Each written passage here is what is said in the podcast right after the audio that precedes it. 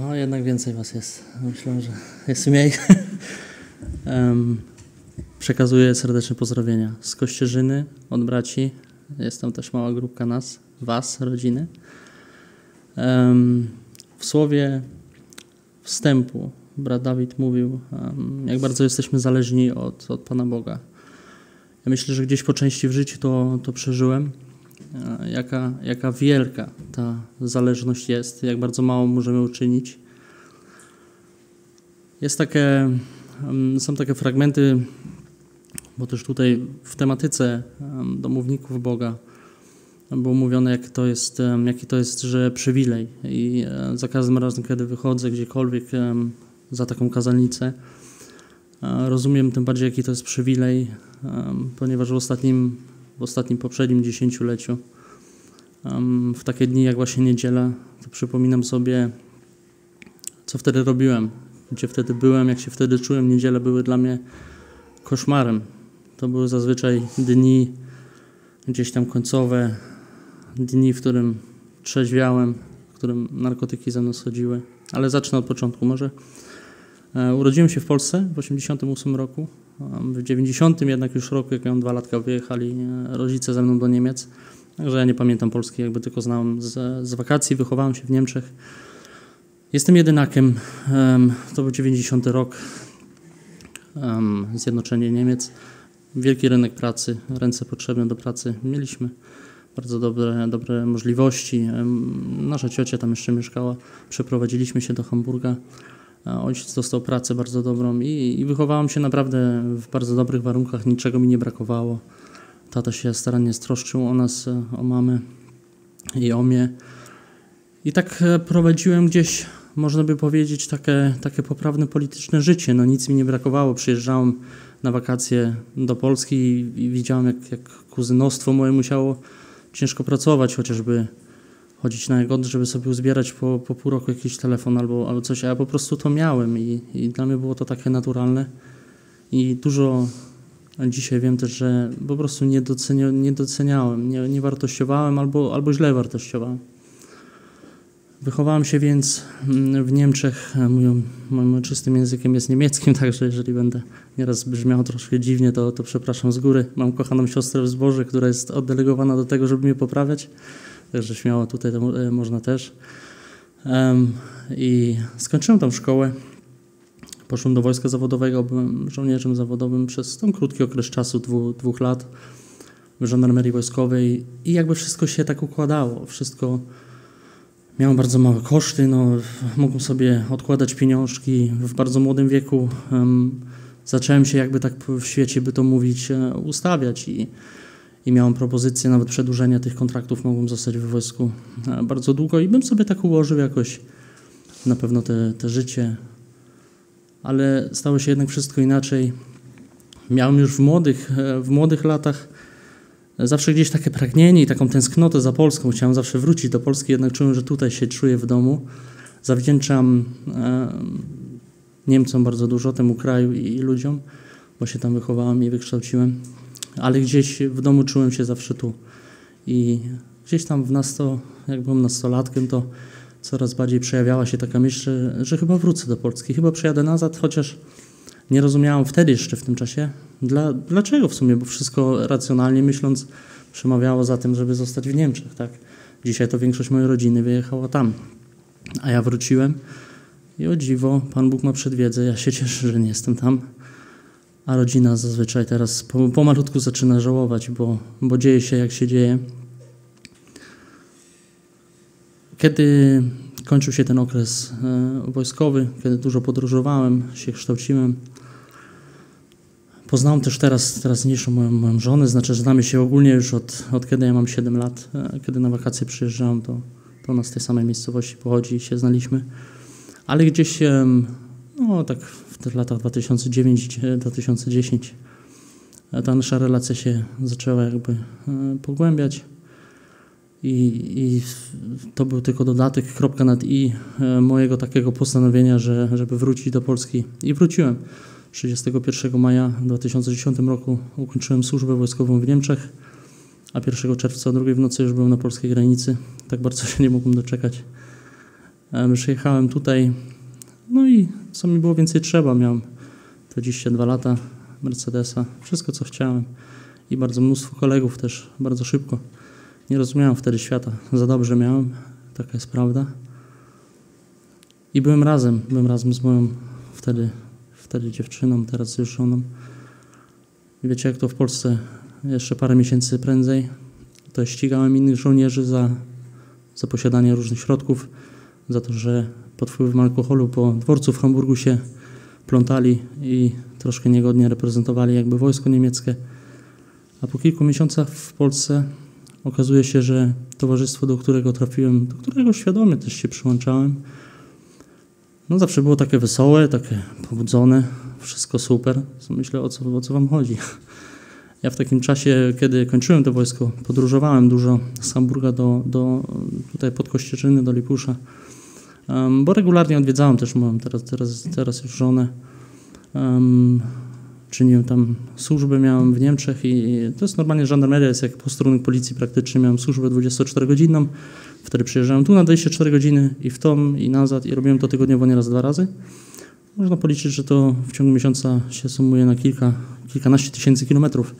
Oczywiście to był duży wysiłek jakby fizyczny, często zasypiałem, musiałem przerwy robić i pewnego dnia przyszedł um, już kolega tutaj zapoznany e, w Polsce i mówi, słuchaj, ja widzę, co ty tam robisz, ale się chyba tak trochę męczysz z tym jeżdżeniem i wszystko, ja chyba bym coś miał, co, co by ci mogło pomóc. No i faktycznie miał coś. I, i wtedy teraz mi um, poczęstował pierwszy raz amfetaminą, kreską, um, półsyntetycznym narkotykiem, um, który po, po prostu pobudza, oszukuje ciało, że, że ma się więcej energii, przez to się nie śpi. No, zacząłem to niewinnie brać, najpierw oczywiście tłumaczyłem sobie, tak, to tylko na, te, na ten okres, kiedy będę tutaj jeździł. Tam dziewczynie nie muszę nic o tym mówić, bo po co? No i z tego tak początkowego, niewinnego stanu przerodziło się do regularnego brania to w, weekendy, tak do rozmaicenia czasu. Już też nie byłem w stanie ukryć to przed moją dziewczyną, no to postanowiłem pójść w ofensywę, wkręciłem, wkręciłem ją w to samo. Braliśmy już razem. Ona miała mamy dwójkę, miała wtedy dwójkę małych dzieci z pierwszego małżeństwa i tak w taki naturalny sposób zacząłem niewinnie, tak jak dla mnie to wyglądało niewinnie, brać te środki, no bo każdy to tam gdzieś brał. U nas mieszka 2,5 tysiąca ludzi w naszej gminie, a nie wiem, czy mogę to tak mówić, ale jest powiedzmy kilku handlarzy narkotyków. To jest tragiczne i to jest przykre i to niestety odzwierciedla troszkę też kraj, w którym żyjemy, nie tylko nasz kraj, ale pokazuje też w jakich czasach żyjemy. Kiedyś myślę, że, że tak nie było. Braliśmy więc te narkotyki, tak sobie weekendy, sobie troszkę e, rozmaitości wprowadzaliśmy. Było to, żeby jest za dużo o tym nie, jakby nie, nie wspominać, bo, bo to nie jest akurat część budującą. Chciałbym zrobić taki pewien przeskok. W 2010 roku, kiedy zaczęliśmy niewinnie sobie wspólnie brać te narkotyki. Tam była amfetamina, kokainy, mefedrony, psychotropy. Powiedzmy w skrócie prawie wszystko oprócz heroiny. Braliśmy tego na początku bardzo mało. Tak mieliśmy wrażenie, że mamy coś pod kontrolą, bo ta diabeł tak chętnie robi, że daje nam zrozumienie. No to nie jest takie, albo bagatelizuje, albo mówi, a czy to na pewno, albo właśnie daje takie poczucie, że mamy jakąkolwiek kontrolę, kiedy już doskonale nie mamy żadnej kontroli. Ograniczyliśmy się do, do weekendów. Te weekendy się później przekształciły. Z piątku do niedzieli to ja sobie weekendy po prostu robiłem, które zaczynały się w środę, kończyły się w następny wtorek. Nie, nie spałem 4, 5, 6 nocy, wycieńczony. Dochodziło do takich um, stanów, że po pięciu nieprzespanych nocach nafaszerowany narkotykami patrzy się w twarz człowieka i i widzi się, widzi się diabła. Takie, mam, takie się ma wrażenie. Nieraz miałem wrażenie, że patrzyłem diabłu po prostu w twarz, a on się jeszcze śmiał. Więc ciągło się to 6-7 do 2018 roku. Większość ludzi o tym nie wiedziała, bo to jest niestety taki narkotyk, który jeszcze ogólnie półsyntetyczne narkotyki wprowadzają w taki stan też wydajności, jakieś jakby możesz pracować bez, bez, bez, bez bólu, godzinami, jesteś jakby wydajny bardziej i, i niestety w tej sytuacji jeszcze pomagało mi to w pracy. Pracowałem w różnych informatycznych firmach, e, korporacjach. A dzięki tym, tym językom, że po niemiecku mówię, to nie było nigdy problemu z, z pracą, no ale to oczywiście było krótkotrwałe. Na początku to się wydaje, że to coś pomaga, a potem jest to tylko większa destrukcja. I ja się w moim życiu nigdy nie wychowałem w sposób jakiś religijny. Kiedy wyjechaliśmy z rodzicami do Niemiec, nie uczęszczałem tam albo do powszechnego kościoła, albo, albo do jakiegokolwiek innego. Co prawda no, przyjąłem jakieś tam powiedzmy sakramenty, ale, ale nie, byłem, nie byłem praktykującym praktycznie niczego. Rodzice też jakby nie uczęszczali. I jakby z jednej strony nie byłem uprzedzony, nie byłem gdzieś powiedzmy też e, pod wpływem jakiejś tradycji. Miałem gdzieś takie wewnętrzne przekonanie, że no pewnie, pewnie jakiś Bóg istnieje, bo było mi trudno wierzyć w to, że, że kiedyś światła zgasną i, i nie będzie nic. Nie byłem w stanie sobie tego wyobrazić. Ale moje życie oczywiście z Bogiem nie miało dużo wspólnego. Kiedy, kiedy byliśmy już tutaj, um, kiedy byłem w Polsce i żyłem w tych ciemnościach, wiecie, narkotyki robią nieraz z człowieka, czynią cię albo prowadzą cię, stymulują do, wiele, do robienia wiele gorszych rzeczy niż byś zazwyczaj zrobił. Dlatego dzisiaj, jak patrzę też na, na ludzi uzależnionych, wiem doskonale, że, że w ich wnętrzu to, są, to mogą być całkowicie inni ludzie, mimo że to, co dzisiaj robią, gdzie się znajdują, do czego te narkotyki ich prowadzą, mogą odzwierciedlać całkowicie inny obraz niż to są, niż to są wprawdzie osoby, bo oni są zagubieni, tak jak ja byłem zagubiony. I wiecie, Bóg w tym całym, On się wtedy o mnie troszczył, wtedy już mnie o nas dbał, e, niejednokrotnie dzieci nasze chronił, niejednokrotnie raz chronił. Jeszcze w tym całym w tym samym ferworze brania, w tym uzależnieniu, to sobie postanowiłem, no będę może woził ludzi. Skoro mi tak fajnie z tym jeżdżeniem, to, to będę woził ludzi. No to, że, że tam nikogo nie pozabijałem, to jest cud. I woziłem tych ludzi. W końcu, wiecie, Bóg zna nas doskonale, zna nasze serca i mnie tak samo znał. Ja byłem zawsze takim człowiekiem monogamicznym, tak się o to mówi. Zawsze dla mnie było ważne, zawsze mój partner, rodzina, tak, moja żona i, i byłem sfiksowany całkowicie na, na tych osobach. I tak też było w tym przypadku. Z żoną się, z żoną się znamy bardzo długo i, i znam całą prawdę, że się, że się bardzo kochamy. I to od początku, kiedy się poznaliśmy, chyba faktycznie już od kiedy, jak miałem 7 lat, to chyba już postanowiłem, że jeżeli kiedyś będę miał żonę, to będzie to ona. I na początku się z tego śmiałem, ale później jak miałem w Niemczech dziewczyny, to im mówiłem, że się z wami nie ożenię, bo tam w Polsce ktoś jest. Oczywiście te związki były wskazane na, na porażkę, ale było to bynajmniej szczere. I Bóg o tym wiedział. Bóg wiedział, jak bardzo kocham moją teraz, teraz już żonę, wtedy jeszcze dziewczynę, narzeczoną. I pierwszy raz, kiedy Bóg postanowił się dotknąć mojego życia, to było to było z dnia 5 na 6 sierpnia 2018 roku. Podczas tych, żeby tylko na chwilę wrócić, bo ten element jest ważny, podczas, podczas tych ciągów narkotykowych um, temu towarzyszą też inne różne tak, rzeczy, hazard, różne rzeczy, pornografia. Nie chcę tam w szczegółach w to wchodzić, ale dochodziło z racji tego u mojej żony też regularnie do poronień Mamy, mamy jednego synka pochowanego, um, ale wczesnych też tak etapach dochodziło do poronień. Po prostu no, biorąc narkotyki nie, kobieta nie może e, ciąży jakby tak doprowadzić do końca, no, to jest nierealne. I stało się w pewnego razu, um, że jedna ciąża jednak trwała.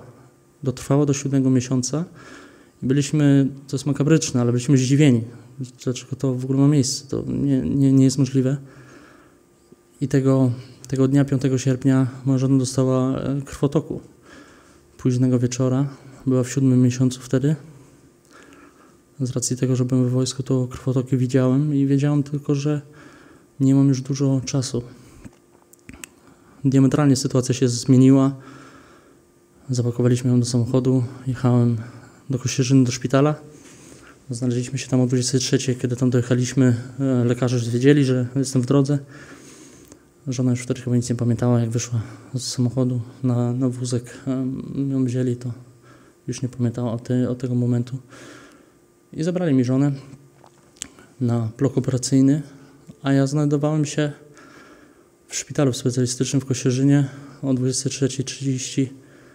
Kompletnie naćpany oczywiście. W poczekalni sam, długi korytarz. I zdałem sobie sprawę, że w jednej minucie mogę stracić wszystko. Bóg się wtedy dotknął mojego życia, dzisiaj to wiem. Siedziałem tam i ryczałem. Ryczałem i wyłem przez godzinę. Nie wiedziałem, do kogo się zwracam. Nie znałem Pana Boga. Ja nigdy Ewangelii nie słyszałem. Nikt mnie nie głosił. Ale w tej takiej desperacji, w tym moim stanie, mówiłam, Boże, tylko nie to. Nie zabieraj mi ich. Tego nie rób. I siedziałem i ryczałem tam przez godzinę. Wołałem, może dziś bym powiedział, że to była taka modlitwa, może pierwsza. I po godzinie czasu wychodzi, już była w pół do pierwszej w nocy, wychodzi lekarz z bloku operacyjnego i mówi młody człowieku, on wiedział, że, że byłem pod wpływem, to wszyscy wiedzieli, którzy mnie by tam widzieli w ten dzień. Mówi młody człowieku, ty miałeś więcej szczęścia niż rozumu. Twoja córka urodziła się martwa, ale ożyła, a żona ledwo uszła e, z życiem. I w tym momencie wiedziałem, że Bóg jest. Wiedziałem, że On mnie wtedy wysłuchał. Wiedziałem, że ocalił ich, że wysłuchał moje błaganie. Wiecie, taki fragment, który towarzyszył temu nawróceniu, jest napisany w księdze Jeremiasza 29:13. Jeżeli będziecie mnie szukać całym swoim sercem, ja dam wam się znaleźć. A tam później jest napisane: Objawię się wam i przyprowadzę was z powrotem z tych miejsc, z których was wygnałem. Pan Bóg dał mi się znaleźć. Czy to coś zrobiło w konsekwencji? No niestety nie zrobiło. Makabra była taka, że tak naprawdę to jeszcze wszystko pogorszyło. Nasza córka się urodziła, ważyła 1400 gram, urodziła się martwa, została zreanimowana. Spędziła jeszcze miesiąc, była, została przetransportowana do Gdańska, do neonatologii, bo była za malutka. Jakimś cudem sama oddychała, co, co nie, było, nie było e, typowe lub normą w tym wieku, w tym etapie wcześniaków. Pojechali z nią do Gdańska. My wróciliśmy do domu.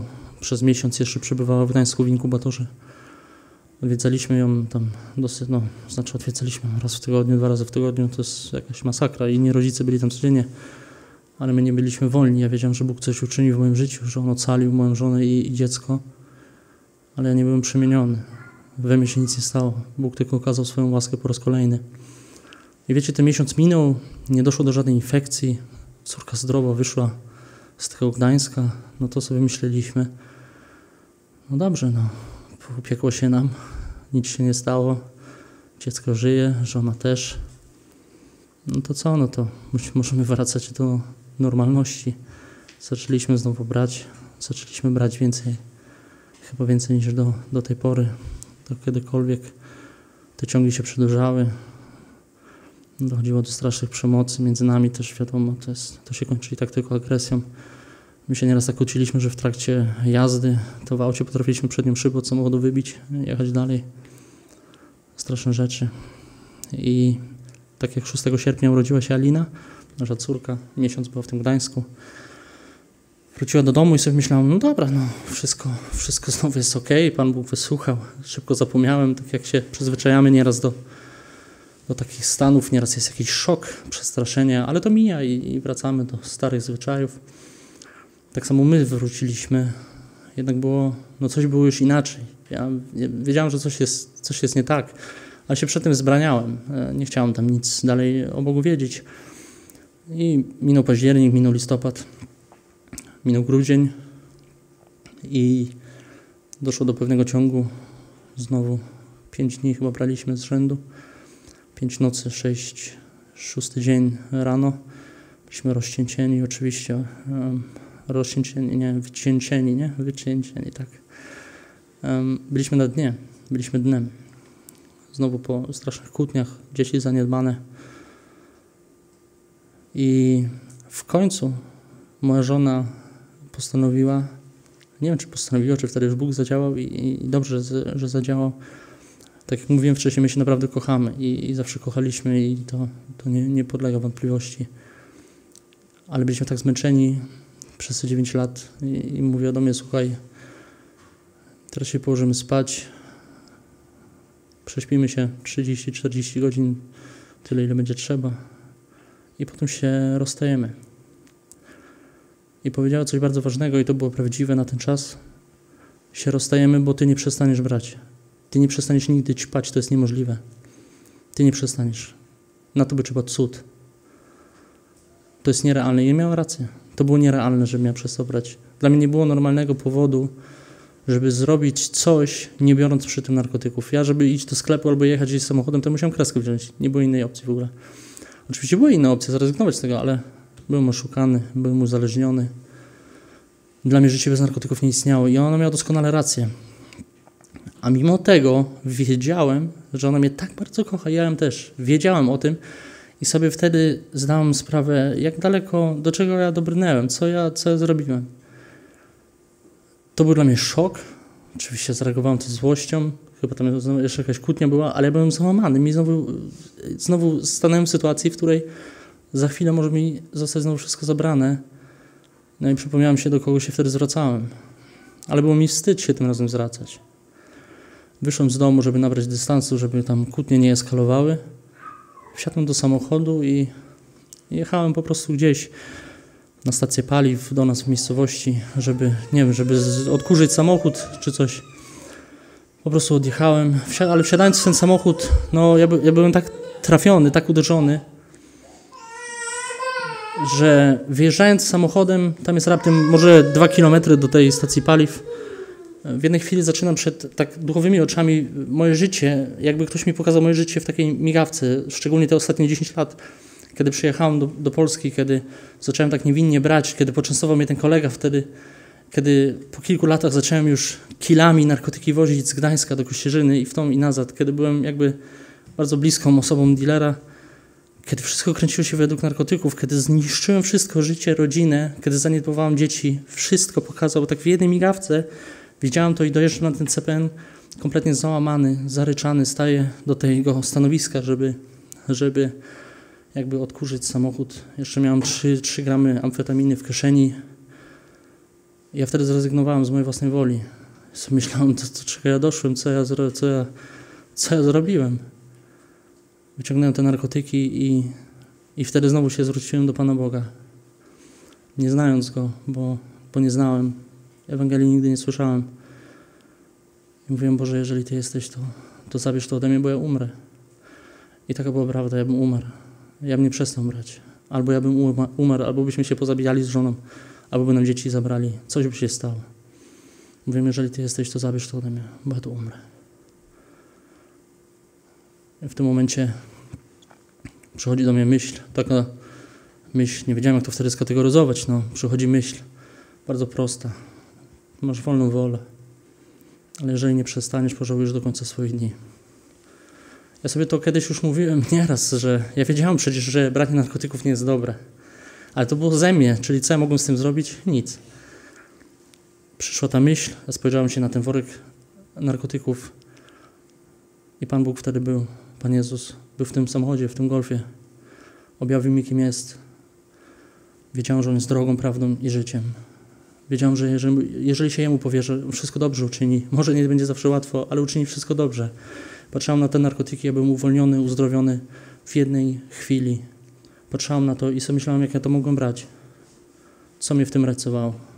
Przez 9 lat nie mogłem się z tego wyzwolić, pogłębiałem się. Następne, co by się stało, to była śmierć, bym umarł po prostu, bym się zaćpał. Nieraz byłem bardzo blisko. A Pan Bóg przyszedł w jednej chwili. Zrobił tak. Nie dość, że mi powiedział, że mam wolną wolę i że to ja muszę przestać, to w swoim miłosierdziu dokładnie wiedział, że nie przestanę. I mnie uwolnił w tej jednej sekundzie. Wszystko zeszło. Od tego dnia żadnego hazardu, żadnych narkotyków, nic. I sobie myślałem, coś, coś pięknego się stało. Płakałem dalej, ale już z radości. W tym samochodzie jestem dalej na tym CPN-ie przy tym stanowisku odkurzacza. Wyszedłem z auta, jeszcze patrzę w słońce, mówię, cieszę się. Obok mnie stał taki kurier z kanapką, już kanapki nie miał, wypadło mu chyba, jak on to widział. I myślę, no jaka radość wielka, Bóg jest prawdziwy, Jezus Chrystus mnie uwolnił, On mnie uzdrowił, zbawił moją duszę. Teraz jadę do domu i, i powiem to samo, to powiem mojej żonie, stał się ten cud, mówię, że musi się cud stać. I jechałem faktycznie do domu, e, te dwie minuty znowu nazad, przychodzę do domu, Co jeszcze muszę dopowiedzieć, ja wytrzeźwiałem w jednej chwili. Ja byłem na pięciodniowym ciągu, to jest niemożliwe. Wytrzeźwiałem w jednej chwili, się bardzo przelękłem, bo ja wiedziałem, że to jest niemożliwe po prostu. To jest jak, y, no alkohol też schodzi jakiś czas, ale narkotyki to schodzą trzy razy dłużej. I bardzo mi to wbiło, tak przeraziło mnie to, bo, bo ja wiedziałem, że to jest, no tu już nie było wątpliwości. Te głosy, co mogłem, albo jakaś myśl, no to mogło być ze mnie, ale to, że ja w jednej chwili wytrzeźwiałem, to nie mogło być ze mnie. I bardzo się przelękłem. Ale potem się bardzo radowałem. Jechałem do domu, weszłem do domu, mówię, żono, Weronika, cud się stał. Jestem wolny, Jezus Chrystus jest Panem. On mnie uwolnił, On zbawił moją duszę. Ja nie będę już nigdy brał narkotyków. Ona to usłyszała i mówi, no teraz to ty się dopiero naćpałeś. Teraz ty dopiero przedewkowałeś. Co ty w ogóle gadasz? Co ty w ogóle opowiadasz? I wiecie tam wszystko, cała litania, ja, pier, kur i wszystko. Mówiłem, dobra, tędy, tędy nie damy rady. Ja jej tego nie wytłumaczę. I przez dwa dni siedziałem e, w kuchni naszej. Mamy małe mieszkanko takie dwupokojowe. Siedziałem w kuchni, ona wnerwiona, co ja w ogóle opowiadam. Wziąłem dzieci na lodowisko potem. Nie, ona nie rozumiała świata, co się w ogóle dzieje. I wróciliśmy i siedzę i tak mnie pilnie obserwowała. Z naszego jednego pokoju można w kuchni przez taką szparę drzwi patrzeć, a ja siedziałem przy laptopie, szukałem świadectwa, bo nie wiedziałem, co się stało. Mi nikt Ewangelii nie opowiadał. Ja nie wiedziałem, co się stało. Wiedziałem tylko, że Jezus Chrystus jest Panem, że On jest Bogiem i że On to uczynił. To wiedziałem. I szukałem świadectwa, spotkania z Bogiem, ludzi, którzy to samo doświadczali. I znalazłem. I byli, były strony na YouTube i świadectwa i oglądałem i karmiłem się tym. A moja, mam, y, moja żona myślała, że zwariowałem kompletnie. Albo, jakoś, albo coś wziąłem po prostu psychotropicznego, że mi odwaliło. Oglądam i widzę tam świadectwa i uwolnienia i uzdrowienia, jak ludzie spotkali prawdziwego Boga. I mówię, mi się to samo stało. To dokładnie to się w tym golfie przed chwilą stało. I teraz myślałam, ale co zrobić? Moja żona dalej w tym stanie. Razem braliśmy. Ja ją w to wciągnąłem. Teraz Pan mnie uratował.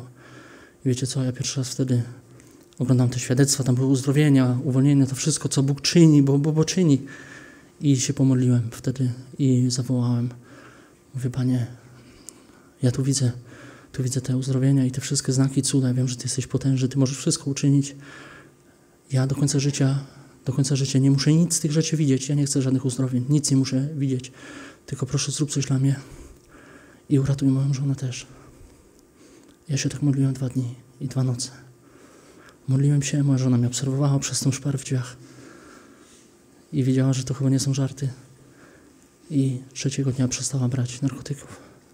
Przestała, została zbawiona tak samo. Pan wysłuchał, to była pierwsza moja wysłuchana modlitwa. Druga, trzecia w konsekwencji już, a pewnie dziesiąta, o której jeszcze nie wiem. I Pan nas zbawił.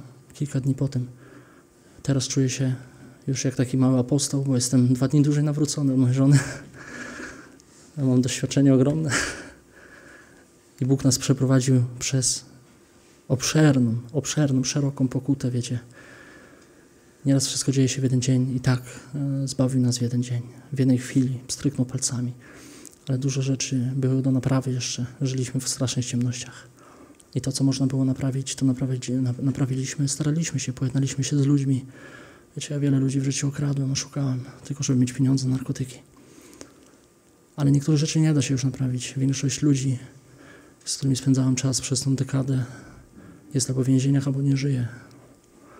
I nieraz się zastanawiam, czemu, czemu my, czemu ja, czemu Bóg dotknął się naszego życia.